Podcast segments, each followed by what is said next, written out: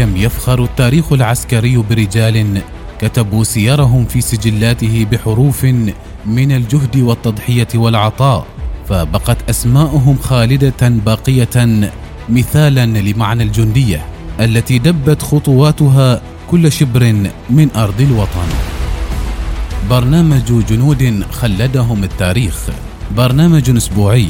نتعرف من خلاله على قصص الجنود الذين ضحوا بحياتهم من أجل أوطانهم.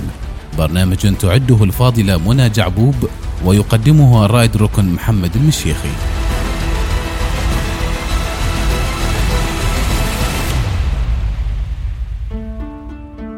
جنود خلدهم التاريخ. ألفريد توي.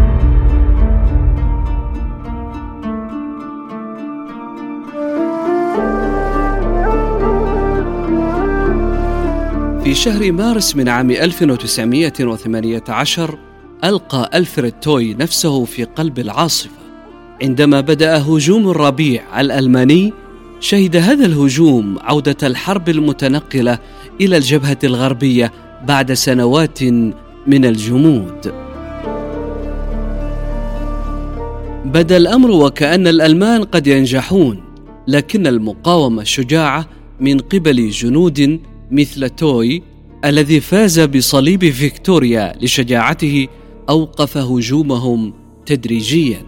لقد كانت الأمور جميعها مرتبطة ببعضها البعض فقد أدى انسحاب روسيا من الحرب عام 1917 إلى إطلاق أعداد كبيرة من القوات الألمانية لاستخدامها في أماكن أخرى. وادراكا منهم أن حرب الغواصات قد فشلت في هزيمة بريطانيا وأن أعدادا كبيرة من القوات الأمريكية ستلتزم قريبا بالحرب استعد الألمان لهجومهم الأخير في الغرب. كانت جميع فرق المشير هيغ أقل قوة من حيث المشاة وكانت الحكومة غير راغبة في إرسال المزيد من الرجال إلى الجبهة الغربية لذلك اضطر هيغ إلى تقليل عدد كتائب المشاة. ولأول مرة منذ ثلاث سنوات كان على البريطانيين الاستعداد لمواجهة هجوم كبير. لم يستطع هي إعطاء الأرض بالقرب من ساحل القنال. لذلك كان القطاع الشمالي من جبهته يدافع بشدة وشراسة نحو الاتجاه إلى الجنوب وقد كانت قواته أكثر انتشارا. كان على جيش الجنرال بلامر الثاني حول أيبرس الاحتفاظ ب 37 كيلومترا من الخط في حين أن الجيش الخامس للجنرال غوف جنوب كامبراي كان عليه الاحتفاظ أيضا بمسافة 67 كيلومترا. وجاء هجوم الربيع فتجمع الجنود بعد إجلائهم من الخطر في السادس والعشرين من مارس من عام 1918 سبق ذلك ما عرف بعملية مايكل وقد كانت في الحادي والعشرين من مارس من عام 1918 حيث أطلق الألمان خلالها وابل رصاصهم من حوالي عشرة آلاف بندقية في ذات الوقت متزامنا مع إطلاق أكثر من مليون قذيفة في خمس ساعات ضد جيوش الجنرال بنج الثالث والجنرال جوف الخامس. واستهدفت عمليات القصف الإعصار المكثفة مواقع المدفعية والمدافع الرشاشة والمقر الرئيسية ومبادلات الهاتف والسكك الحديدية ومراكز الاتصالات. هذا قوض أي فرصة للمقاومة البريطانية المنسقة. ثم تسلل جنود العاصفة الألمان المدججون بالسلاح إلى نقاط الضعف في الخط. لقد تجاوزوا جيوب المقاومة واخترقوا نظام الخنادق البريطاني تاركين موجات لاحقة من القوات لتطهير أي أعداء خلف الجيش البريطاني. ولكن بسبب الافتقار إلى الاحتياطات انهار خط غوف.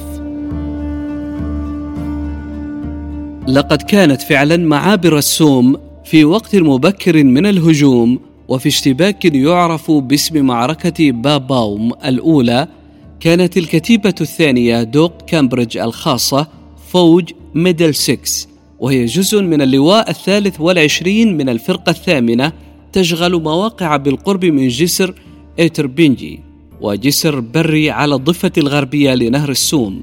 القسم الطويل من الجبهة التي غطتها الفرقة الثامنة على طول النهر وقناة السوم المجاورة يعني أن وحدات القوة السفلية كانت منتشرة بشكل ضئيل. هاجم الألمان هذه المنطقة بعدة فرق وسرعان ما أخلوا معابر السوم. تم إجبار المدافعين على العودة بسبب ثقل الأعداد وبدأوا في إجراء انسحاب قتالي.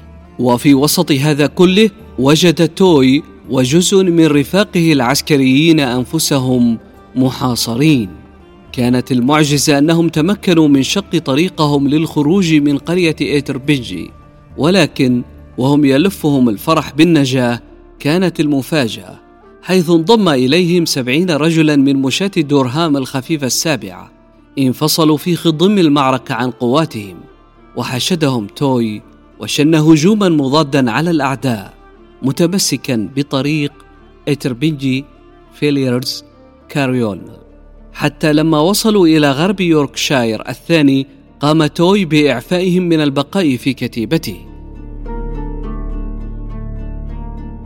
حدث سلسلة مماثلة من الإجراءات الشجاعة للحرس الخلفي عند جسر بري حيث بذل فريق ميدل سكس قصارى جهده لإيقاف تقدم ألمانيا. كانت توي بعدد قليل من الجند في كتيبة يقوم بعمليات الكر والفر. والهجوم المباغت ليصد تقدم العدو. لقد كان سر نجاحه ذكاءه وإتقانه لهجوم المباغتة والحفاظ على رباطة جأشه في دوامة المعركة ولهيب نيرانها وكانت شجاعته ملهمة لزملائه الجنود. في وقت متأخر من يوم الخامس والعشرين من مارس من عام 1918 انسحبت الكتيبة الثانية التي يقودها توي إلى الخنادق جنوب دينيركورت بعد أن فقدت 12 ضابطا وأكثر من 300 من الرتب الأخرى قتلوا أو أصيبوا أو أسروا أثناء الدفاع عن كل المعابر. لكن الهجمات الألمانية المستمرة أدت إلى استمرار الوضع ولذا فقد أخذ توي ورفاقه مواقع مؤقتة إلى جانب قوات اللواء الرابع والعشرين حيث كان الجميع بين قتيل أو أسير. ظل توي يقود الكتيبة الثانية بعدد قليل من الجند ونجاحات باهرة ولكن الانسحاب مستمر. فقد شهدت معركة روسينرس اللاحقة مساعدة الكتيبة الثانية في صد هجوم آخر في ليهونس. وفي مرحلة ما دخل العدو على مسافة 300 ياردة من مواقع ميدل سكس لكنهم لم يستطيعوا البقاء. ففي اليوم التالي تم إجبار الوحدات المجاورة على العودة. لذلك اضطرت الكتيبة الثانية أيضا إلى التراجع إلى كايكس أثناء تعرضها لهجوم من الطائرات الألمانية. تم وضع خطط جديدة هناك دون جدوى. فسرعان ما تسلل الألمان إلى القرية. كان توي في ذلك الوقت مع مقر كتيبته ملازم ثاني وشاب في مقتبل العمر. قرر توي أن يتحرك بالرجال الذين معه. قادهم ضد العدو لصدهم عن القرى. وهناك خاض حرب الشوارع التي كانت كافية للسماح بانسحاب آخر إلى كاستل على نهر أفري. في الحادي والثلاثين من مارس من عام 1918 تم إرسال بقايا الكتيبة التي يقودها توي لإعادة فرض قوات ديفونشاير الثانية. فعلوا هذا في قتال مرير بالأيدي والأسلحة الخفيفة دون تدخل من استخدام أي نوع من الأسلحة الثقيلة على مدار اليومين التاليين.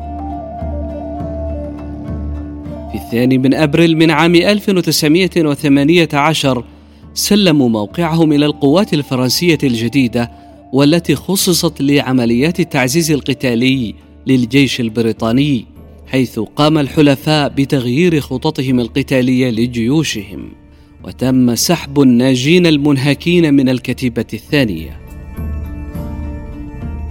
ولقيادته وشجاعته خلال عدة أيام من القتال العنيف حصل توي على وسام فيكتوريا كروس حيث وصفته جريدة لندن جازت في السابع من مايو من عام 1918 قائلة كانت قيادته الشجاعة والماهرة خلال هذه الفترة الطويلة من العمليات المكثفة أكثر وضوحا. على الرغم من التقدم الألماني لمسافة تصل إلى 60 كيلومترا بحلول الخامس من أبريل فقد فقد تقدمهم الزخم واحتجزوا شرق أميان. هنا بدأت الروح المعنوية الألمانية في الانهيار. لقد كانوا مرهقين للغاية للحفاظ على الهجوم ويفتقرون إلى وسائل النقل لتحويل الانتصارات التكتيكية المحلية إلى نصر استراتيجي. ذلك الشاب الذي أصبح بسبب ظروف المعركة قائدا للكتيبة الثانية دون سابق تخطيط. حصل بعدها على أعلى وسام شرف وجندية في أوروبا. توفي الفرتوي عام 1955 عن عمر يناهز 58 عاما ودفن في مقبرة تيفرتون.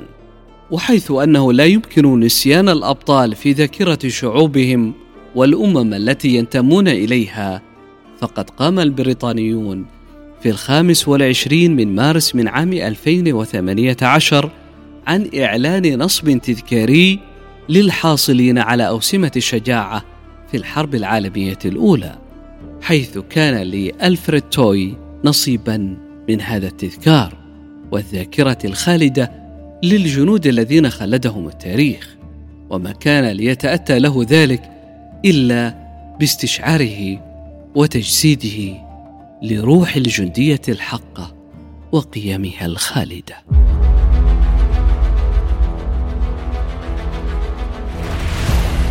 كم يفخر التاريخ العسكري برجال كتبوا سيرهم في سجلاته بحروف من الجهد والتضحية والعطاء فبقت اسماءهم خالدة باقية مثالا لمعنى الجندية. التي دبت خطواتها كل شبر من أرض الوطن. برنامج جنود خلدهم التاريخ. برنامج أسبوعي نتعرف من خلاله على قصص الجنود الذين ضحوا بحياتهم من أجل أوطانهم. برنامج تعده الفاضله منى جعبوب ويقدمه الرائد ركن محمد المشيخي.